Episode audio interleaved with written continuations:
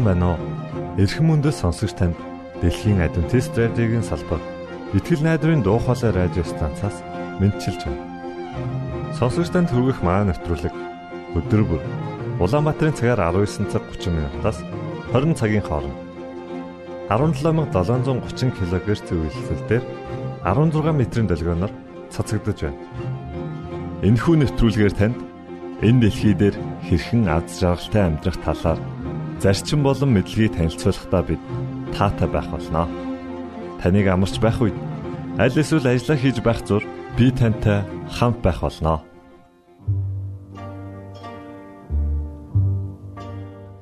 Өнөөдрийн дугаараар та бидний эрүүл мэнд юу бодож байгаатай маань холбоо хамааралтай юу гэдгийг олж мэдэх болно. Харин уран зохиолын цагаар Арчи хүүгийн багын мөрөөдөл түүний гэр бүлийн хүмүүс хэн байсан? Мөн түүний амьдралын талаар хамтдаа сонсох болно. За ингээд танд нэвтрүүлгүүдэд хүргэж байна.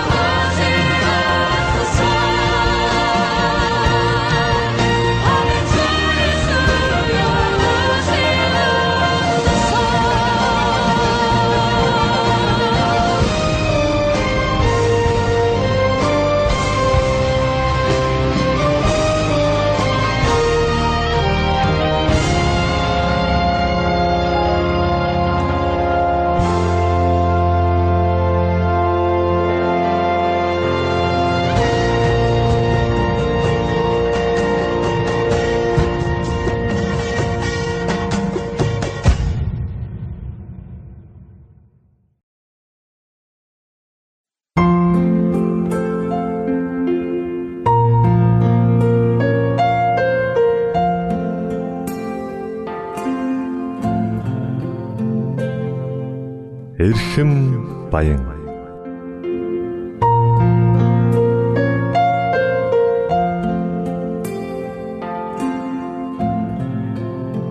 Эрүүл амьдрах арга ухаан зөвлөмж тайлбарыг хүргэдэг Эрхэм баян нэвтрүүлгийн шин дугаар эхэлж байна.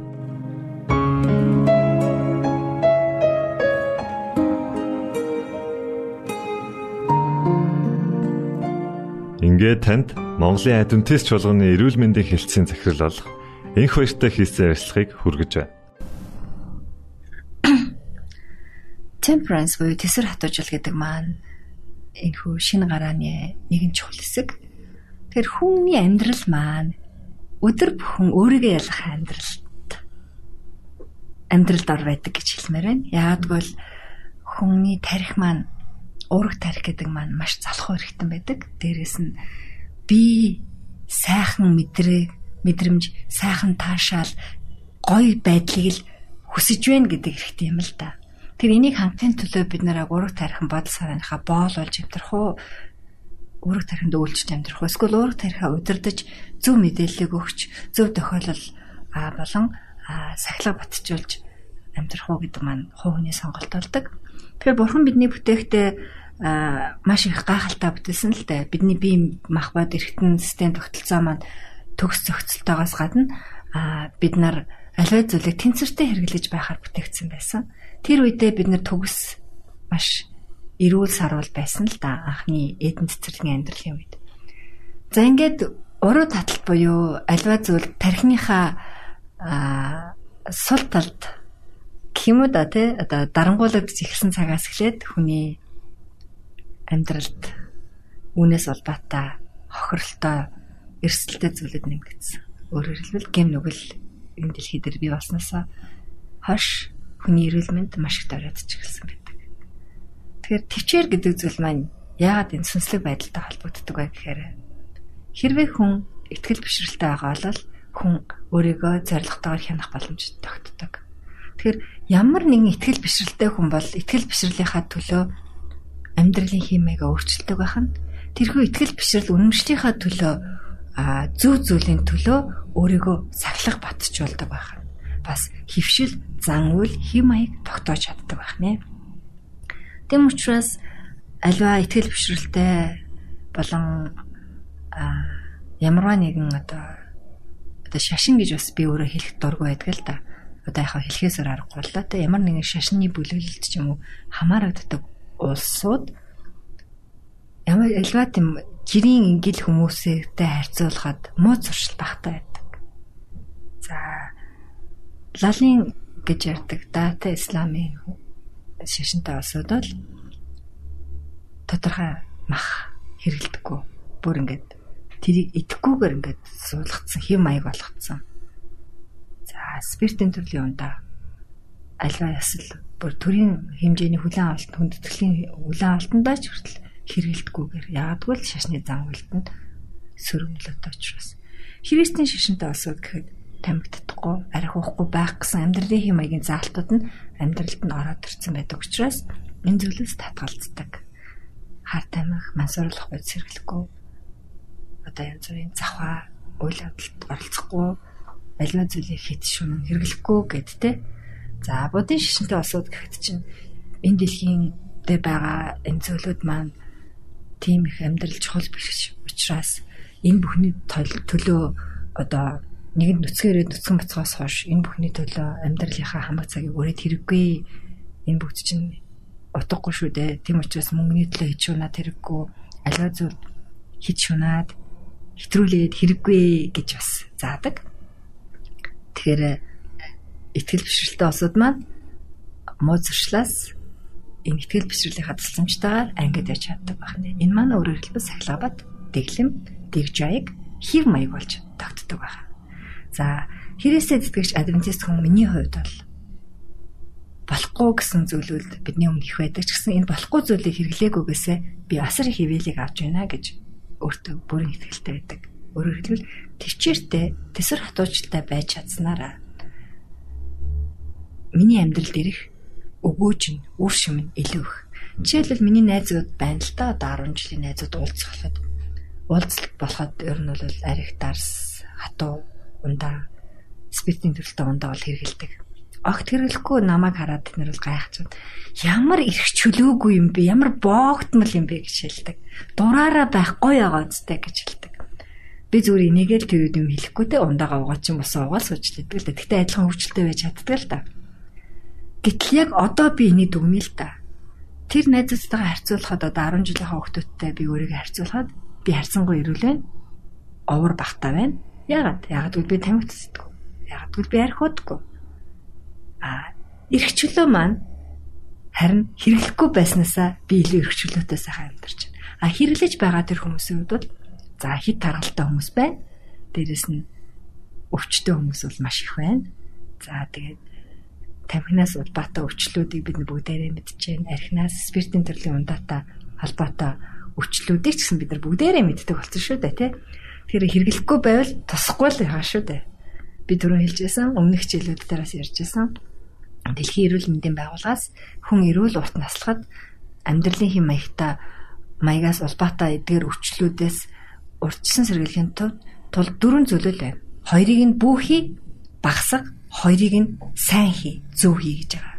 За багсаг хэрэглэхгүй бай гэдэг маань тамхи, арх хоёроо шүү дээ. Спиртийн төрлийн ундаа.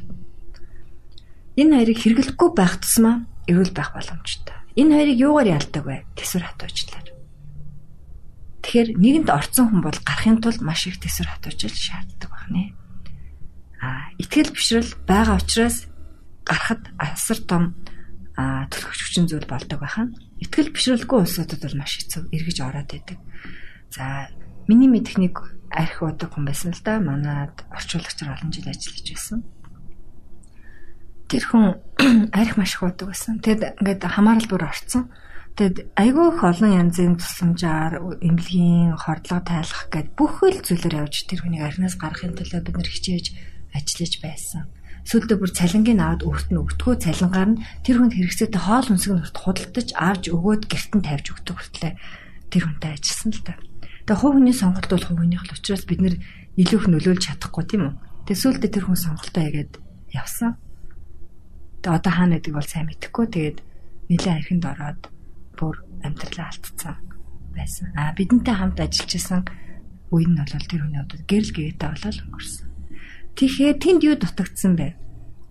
Хэрвээ ихтгэл бишрэлийн буюу одоо тийм сахилга бат гэж ярьж байгаа тийм итгэл бишрэл байсан бол тэр сахилга батыг суулгаж зөв сонголтыг гаргахад би өөрөө өөрийнхөө хүчээр энийг чадахгүй юм байна. Надад бурхнаас ирэх тэр хүч чадлын тусламжтайгаар би энэ сул байдлаа ялан дийлэх юм байна гэдэг эрч хүчийг авдаг байна. За бас манад миний таньдаг одоо бол пастор ахлагч хийж байгаа хүн байна. Тамхи татдаг байсан. Өөр тамхинд орсон хүн байсан л та. Тэгээ тамхинаас гарахад бол аюу хэцүүсэн гэж байгаа. Тэгээ энийг ялаад гарсныхаа дараа тэр одоо пастор болсон шүү дээ. Ярьж байгаа байхгүй юу?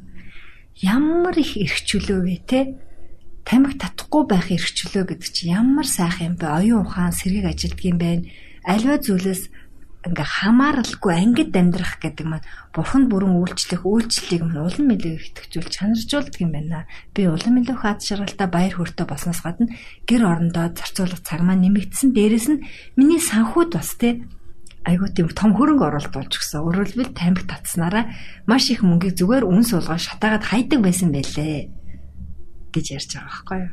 Тэгэхээр энэ хүнд юу нөлөөсөн бэ? Цэвэр итгэл бишрэлийн сахилга бат байсан учраас энэ хүн чинхүү хүслээр бурханд өөрийгөө даатгах чадсан учраас би өөрөө чадахгүй байгаа шүү дээ нөгөө архинд ороод өөрөө би дийлэхгүй нь ерөөсө болиё гэд э, би нэгэн чадахгүй юм чи ингээ бууж өгсөн хүн байна. Нөгөөт нь би чадахгүй байна те. Гэтээ бурхан та надад туслаач хүч чадал хайрлаач гэж хүссэн учраас бурхан бүхнээ даатгаж өгсөн учраас тамхинаасаа бүрэн гарсан. Бас арх удаг байсан пяв удаг байсан ч юм уу те.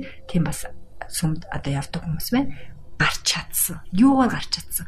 Намайг хүчрхөвжүүлэгч, надад хүчийг өгөгч эзэн бурхан Есүсийн тусламжтайгаар би хийнэ. А би өөрөө бол чадахгүй. Энэ Филиппед дөрөв дөрөв Филиппед дөрөв дөрөв шүү дээ. Би өөрөө бол чадахгүй. Миний хүч чадал бол мөхс юм. Харин надад хүчийг өгөгч тэр нэгний тусламжтайгаар үүнийг би хийж чаднаа гэж итгэсэн учраас Үүнийхээ төлөө сахилга баттай байж чадсан учраас энэхүү хорц зуршлуудаас даван тулсан байна. Даван гарч чадсан байна. Ялдан турсан байна. За надад бас нэг асуулт байна л да. Бид нэр хорц зуршлууд гэж ярьж байна. Аа. Миний бодохоор энэ төсвөр хатуужил төвчээр гэдэг зүйл маань бас бидний өмнө ярьж байсан тэр хоол хүнс те за мөн дасгал хөдөлгөөн эдгээр зүйлсээр бас орж ирэх юм шиг. Яг зөв. Би сая яг өргөжлүүлээд ярих чийлээ л да. Тэгэхээр тэсэр хатуужил гэдэг маань зөвхөн хорц зуршлыг ялан дийлэхээс дийлэхэр хязгаарлагдахгүй байх нэ.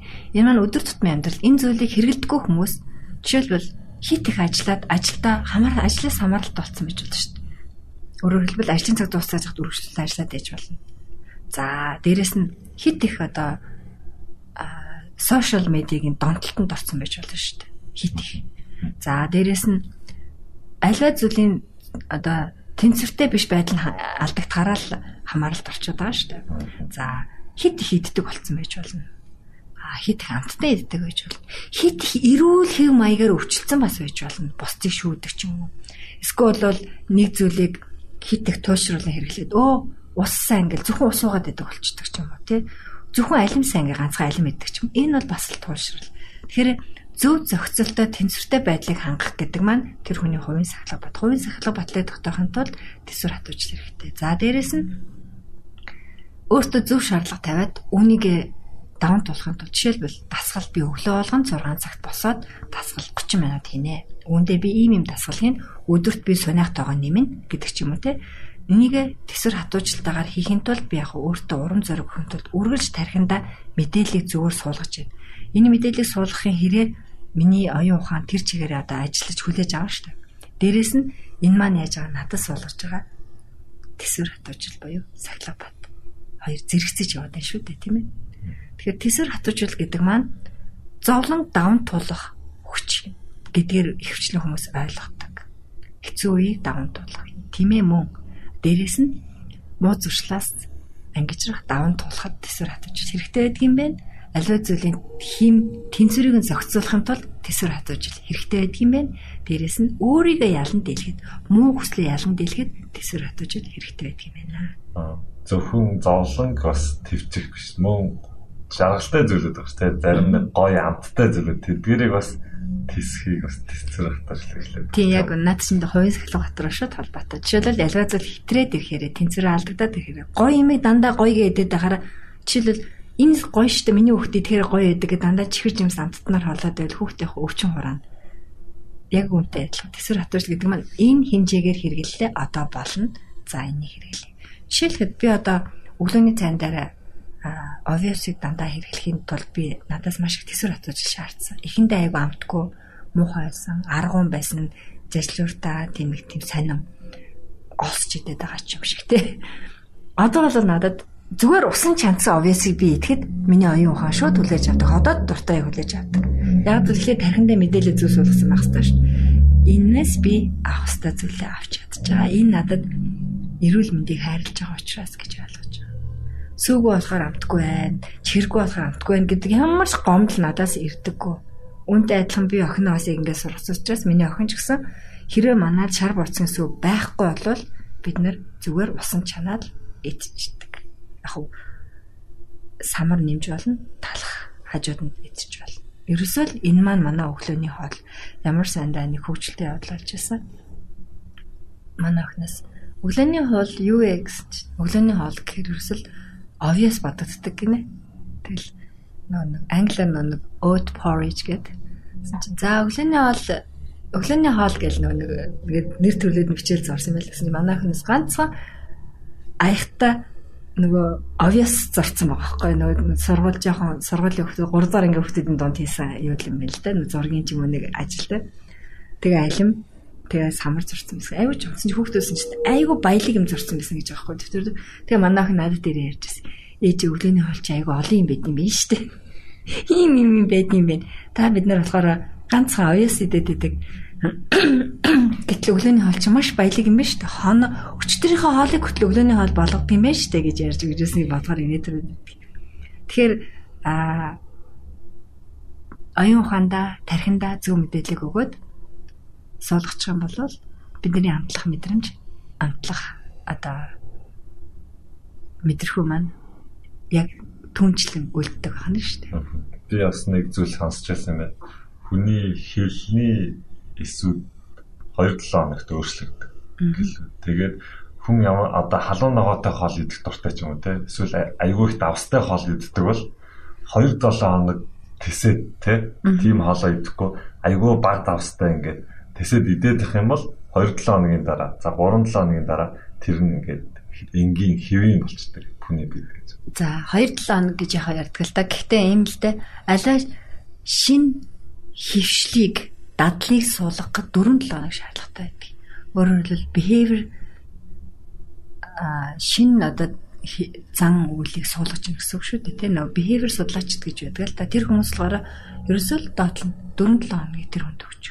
Альва өөрчлөлт хийхэд амтлах болон идэх хоолныхоо дэглэмт Тэгэхээр давсан дээр яг хилний эс 2-7 хоногт 14 хоногт нэг удаа өөрчлөгддөг тийм а гэхдээ хилний давсыг мэдэрдэг хэсэг бол ерөөсөө нэг л газараа байж л байгаа эс өөрчлөгдсөн ч гэсэн а тэр мэдрэмжийг өөрчлөх сэтгэлийг суулгахад 4-7 хоног шаа 2-7 хоногийн дараа яг дасаж эхэлдэг байхгүй яг энэ нөгөө 4-7 хоногийн оргил үе. Тэгээд дараагийн 2-7 хоногт сурж эхэлдэг. За ингээд 5-7 хоногоос тоохоо ойлдог. Өө юм л яадаг штэ гэх. Тэр би бас манайх давс хоолндоо нэмэлт давс хэрэгэлдэггүй. Аа хүмүүс ирээд хүүээс амнаас унлаа гэдэг. Гэтэл манад тийм мэдрэмж унлаа гэсэн мэдрэмж байдгүй байхгүй манад бол ингээд сургацсан учраас. Тэгэхээр альва шин хев маягийг болон дадлыг хэвшүүлэхийн тулд 2-4 7 хоног бол хангалттай. Эхний 2-7 хоногт нь орхиж болохгүй нь шүү дээ. Барьчлаа. Дараагийн 2-7 хоногт нь сургах хэрэгтэй учраас 4-7 хоногийн дараа төвчжээж бүх зүйл яах нь өглөөний хоол иддэггүй байхад 4-7 хоног 28 өглөөний хоолыг зураг зурчихл та. Зурсан өдөр болгон дээр эдсэн өдөр болгон дээр өөрөө тэмдэг тавилдаа стикер наадаг ч юм уу те. Би энэ өглөө хоол идчихлээ. Хоол идчихлээ гэл ингээл Ингээл өөрийгөө урамшуулаад яваад байх юм бол энэ нас юу вэ? Нөгөө тэсэр хатаж шүү дээ, тийм өөртөө цахилгааттай хандж байна л гэсэн үг. Тэгэхээр альва зүйлийг тохируулан хэрэглэх гэдэг маань маш их хувь хүнээс тэсэр хатууч шаарддаг байх нэ. Үүнийг суулгахын тулд хүн өөрөө чаддгүй байх нь хүн бол мөхөс. Яг бол хүний тарих угаасаа амиа хичээсэн бодолтой гэж би хэлсэн тийм үү. Тэгэхээр бурхнаас ирэх хүч чадал түүнээс ирж байгаа цэцэн мэрэгэн ухааны тусламжтайгаар зөв шийдвэрийг гаргаж зөв сонголт хийгээд Бурханаас ирж байгаа хүчээр төсвөр хадуурчийг суулгаж бид нэр амьдралдаа ялалт байгуулах боломжтой юм аа. За энэ 13.